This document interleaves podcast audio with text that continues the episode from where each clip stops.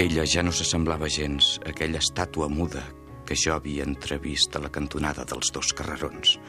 Era xerraire que feia migranya. M'estabornia amb la seva xerrameca. Hauria donat no importa què per trobar-me ben lluny, però em calia viure amb ella, perquè aquell alè fred m'escarrifava el clatell en els moments de vacil·lació. Jo estava vigilat. Impossible fugir. L'invisible em seguia i em bufava el clatell per recordar-me que era allí, que em veia, que llegia els meus pensaments. Calia obeir-lo, calia complir fins al capdavall aquella feina. Catalunya Ràdio presenta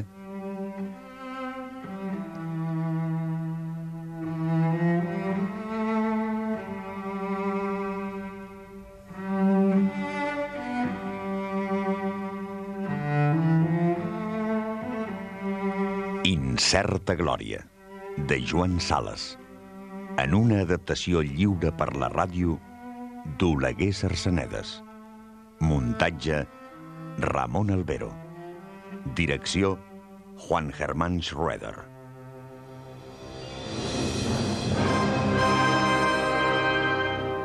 Incerta Glòria, de Joan Sales. Una producció de Catalunya Ràdio amb el suport del Departament de Cultura de la Generalitat de Catalunya. Oi que et preocupa el teu cos? Uh -huh. Oi que l'alimentes cada dia? doncs escolta, tu ets el teu cervell. I el teu cervell també l'has d'alimentar. I molt. Dóna-li el millor que hi ha. Allò que té més aliment.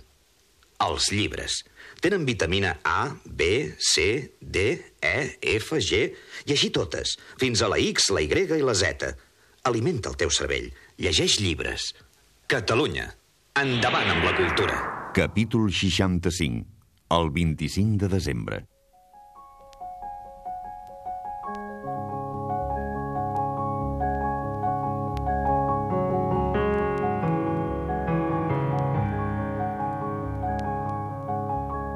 Ella em col·locava sense parar històries d'artistes de cine. Això ja des del primer dia. A partir del tercer, em va caldre suportar, a més, el seu pinxo i el seu gos. No teníem més que una habitació per tots quatre, ella, pinxo, gos i jo. Una sola habitació sense res més que una finestra petita que donava un cel obert fosc i estret com un pou, d'on ens arribaven inconcebibles pudors i tota mena de sorolls pròxims i llunyans.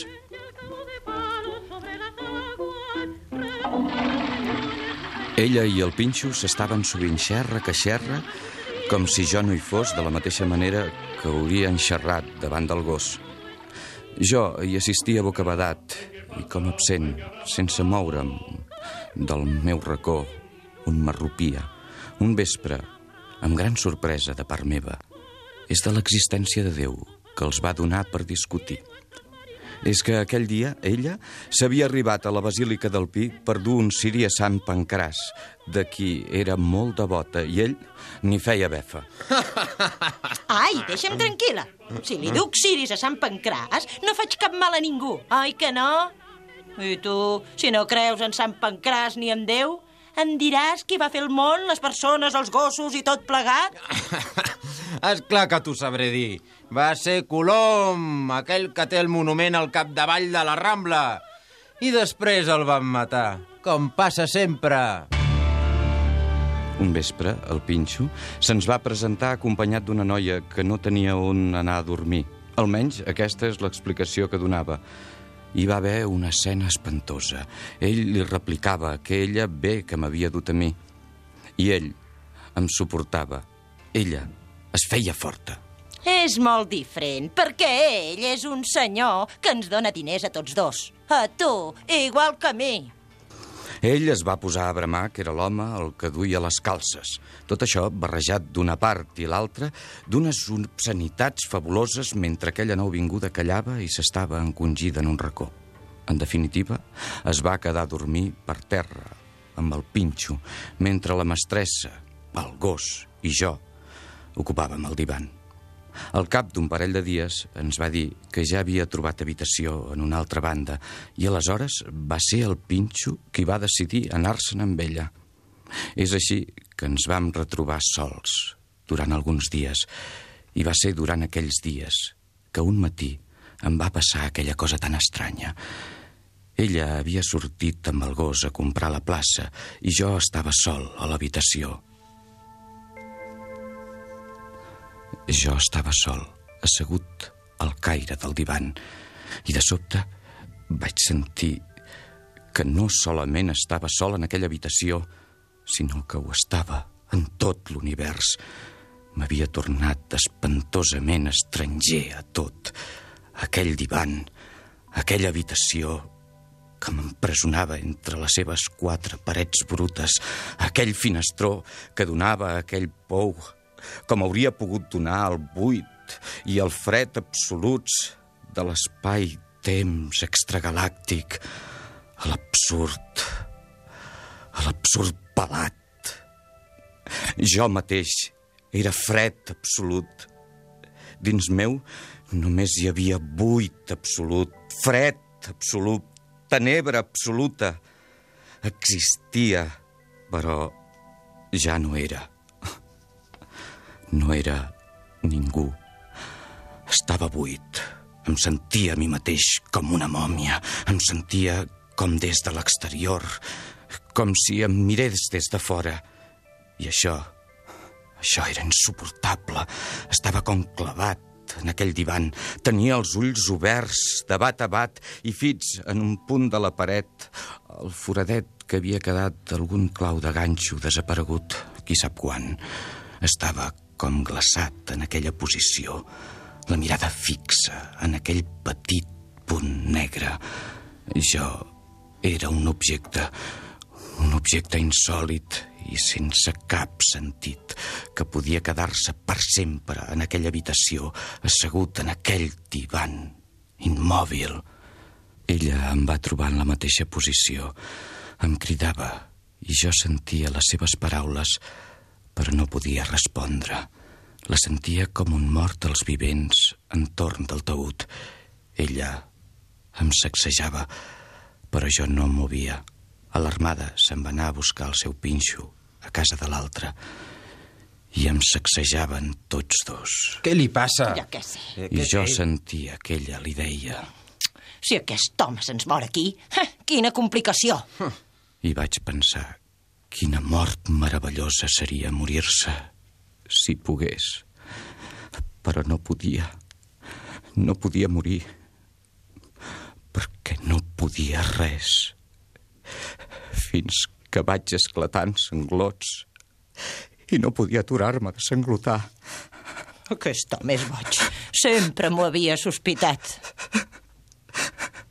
Aquella passió de plors em va durar tota una hora. Són ells que després m'ho van dir.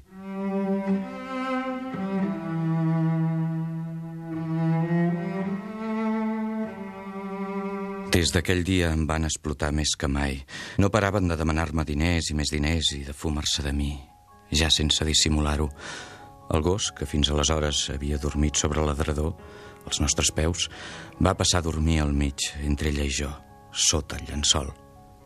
Ella em feia passar per tots els seus capricis, perquè ara ja ho sabia del cert. Jo era un idiota carregat de duros. Fins que un dia, abans de clarejar, vaig guillar descalç, després d'haver donat al Bob una bona bola. Així no lledraria, tot ocupat a devorar-la. L'havia preparada jo mateix. Havia trinxat meticulosament la carn a la nit mentre ella i el seu pinxo eren al cine de la cantonada i li havia barrejada amb aquella pols blanca que havia anat a comprar al matí en una drogueria mentre ella era a la plaça. Calia que ho fes. Calia que el Bob rebentés d'una vegada i amb ell aquells 15 dies d'infern. Vaig haver de passar d'una gambada per sobre el pinxo que roncava estès per terra i em vaig calçar un cop a fora, al replà, i em sentia la mort a l'ànima, però per fi tornava a sentir alguna cosa. Rebondejava pel barri. Ja no sabia què em quedava a fer en aquest món, on adreçar-me, què buscar. Caminava a l'atzar per carrerons desconeguts i vet aquí que vaig veure una pobra dona, jove encara, asseguda al llindar d'una entrada atrotinada i molt bruta, s'arraulia de fred dins un gran xal de llana que l'embolicava tota i, embolicat amb ella dins el xal, tenia contra la pitrera un nen de pit que m'amava. Del nen jo no en veia més que un ull. Tan abrigat el tenia, però aquell ull, aquell ull d'un nen de pocs dies, era pensatiu i clarivident, em feia venir esgarrifances. Em mirava lúcid i perspicaç, amb una suau resignació, amb un retret benigne. I darrere la dona i el nen s'estava dret un home de més edat, amb els cabells blanquinosos, el pare l'avi de la criatura. S'estava dret darrere la dona arrupida al llindar i per damunt del seu cap allargava la mà als passants, pidolant una almoina en silenci. I de sobte vaig prendre aquella mà per deixar-li la meva cartera i vaig fugir amb terror perquè de cop i volta en el calendari d'una droguer veí havia vist la data d'aquell dia. Era el 25 de desembre.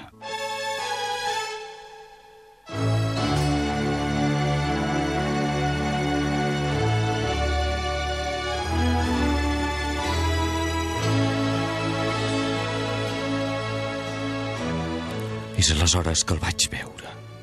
Caminava davant meu. Jo no li veia la cara. Caminava a passos molt feixucs, però regulars, sense tombar-se mai. Vell obrer encorbat sota els seus 80 anys. Jo li veia l'esquena doblegada pels anys i les fatigues. Les seves espardenyes deixaven unes petjades com si hagués hagut neu, però no n'hi havia. Vaig veure aleshores a la cantonada el nom del carrer, l'arc del teatre. I em vaig posar a plorar, baixet. Ell havia desaparegut. Només les seves petjades eren allà, davant meu. Seguint-les, em vaig trobar de genolls davant el confessionari de Santa Madrona.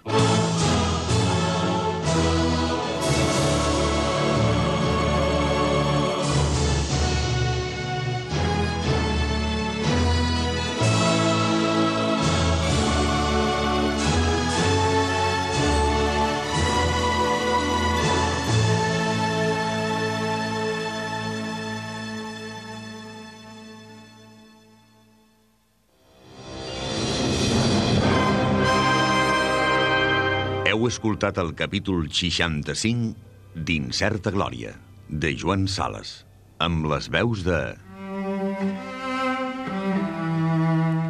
Cruells, Enric Major. Puta, Araceli Bruc. Pinxo, Fabià Mates.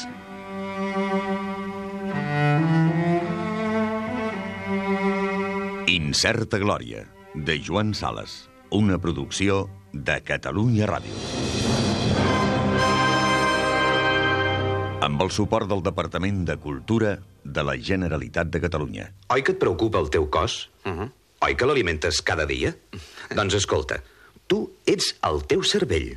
I el teu cervell també l'has d'alimentar. I molt. Dóna-li el millor que hi ha. Allò que té més aliment. Els llibres. Tenen vitamina A, B, C, D, E, F, G, i així totes, fins a la X, la Y i la Z. Alimenta el teu cervell. Llegeix llibres. Catalunya. Endavant amb la cultura.